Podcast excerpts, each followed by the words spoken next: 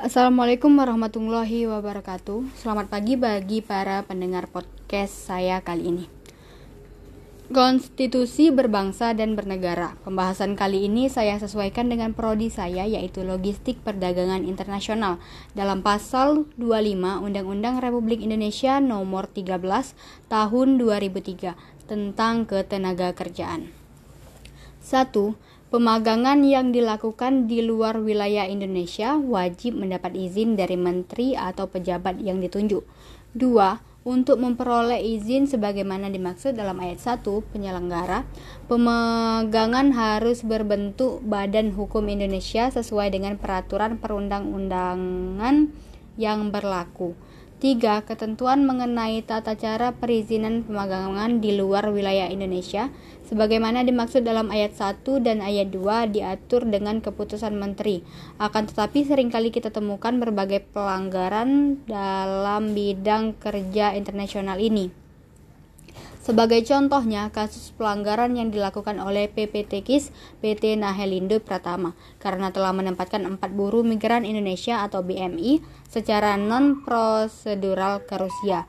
Sebanyak tiga orang tenaga kerja Indonesia atau TKI asal Bali yang semuanya wanita, tenaga kerja wanita atau TKW saat ini di penjara di Rusia.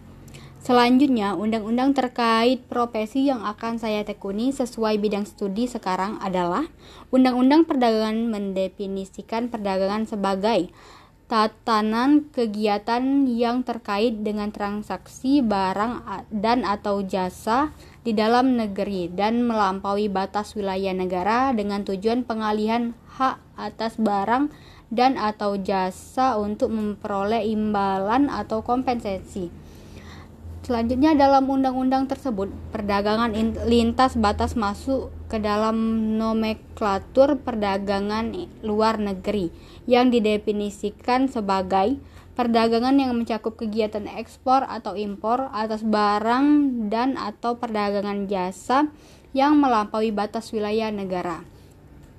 Ekspor adalah kegiatan mengeluarkan barang dari daerah pabean, sedangkan impor adalah kegiatan memasukkan barang ke dalam daerah pabean.